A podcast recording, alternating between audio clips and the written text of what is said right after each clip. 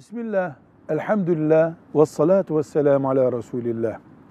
Kime cimri dememiz gerekiyor? Bir kere cimrilik şahsi bir karakteri yansıtıyor. Çünkü harcamanın resmi bir ölçüsü yoktur ki o kadar harcamayan için cimri densin.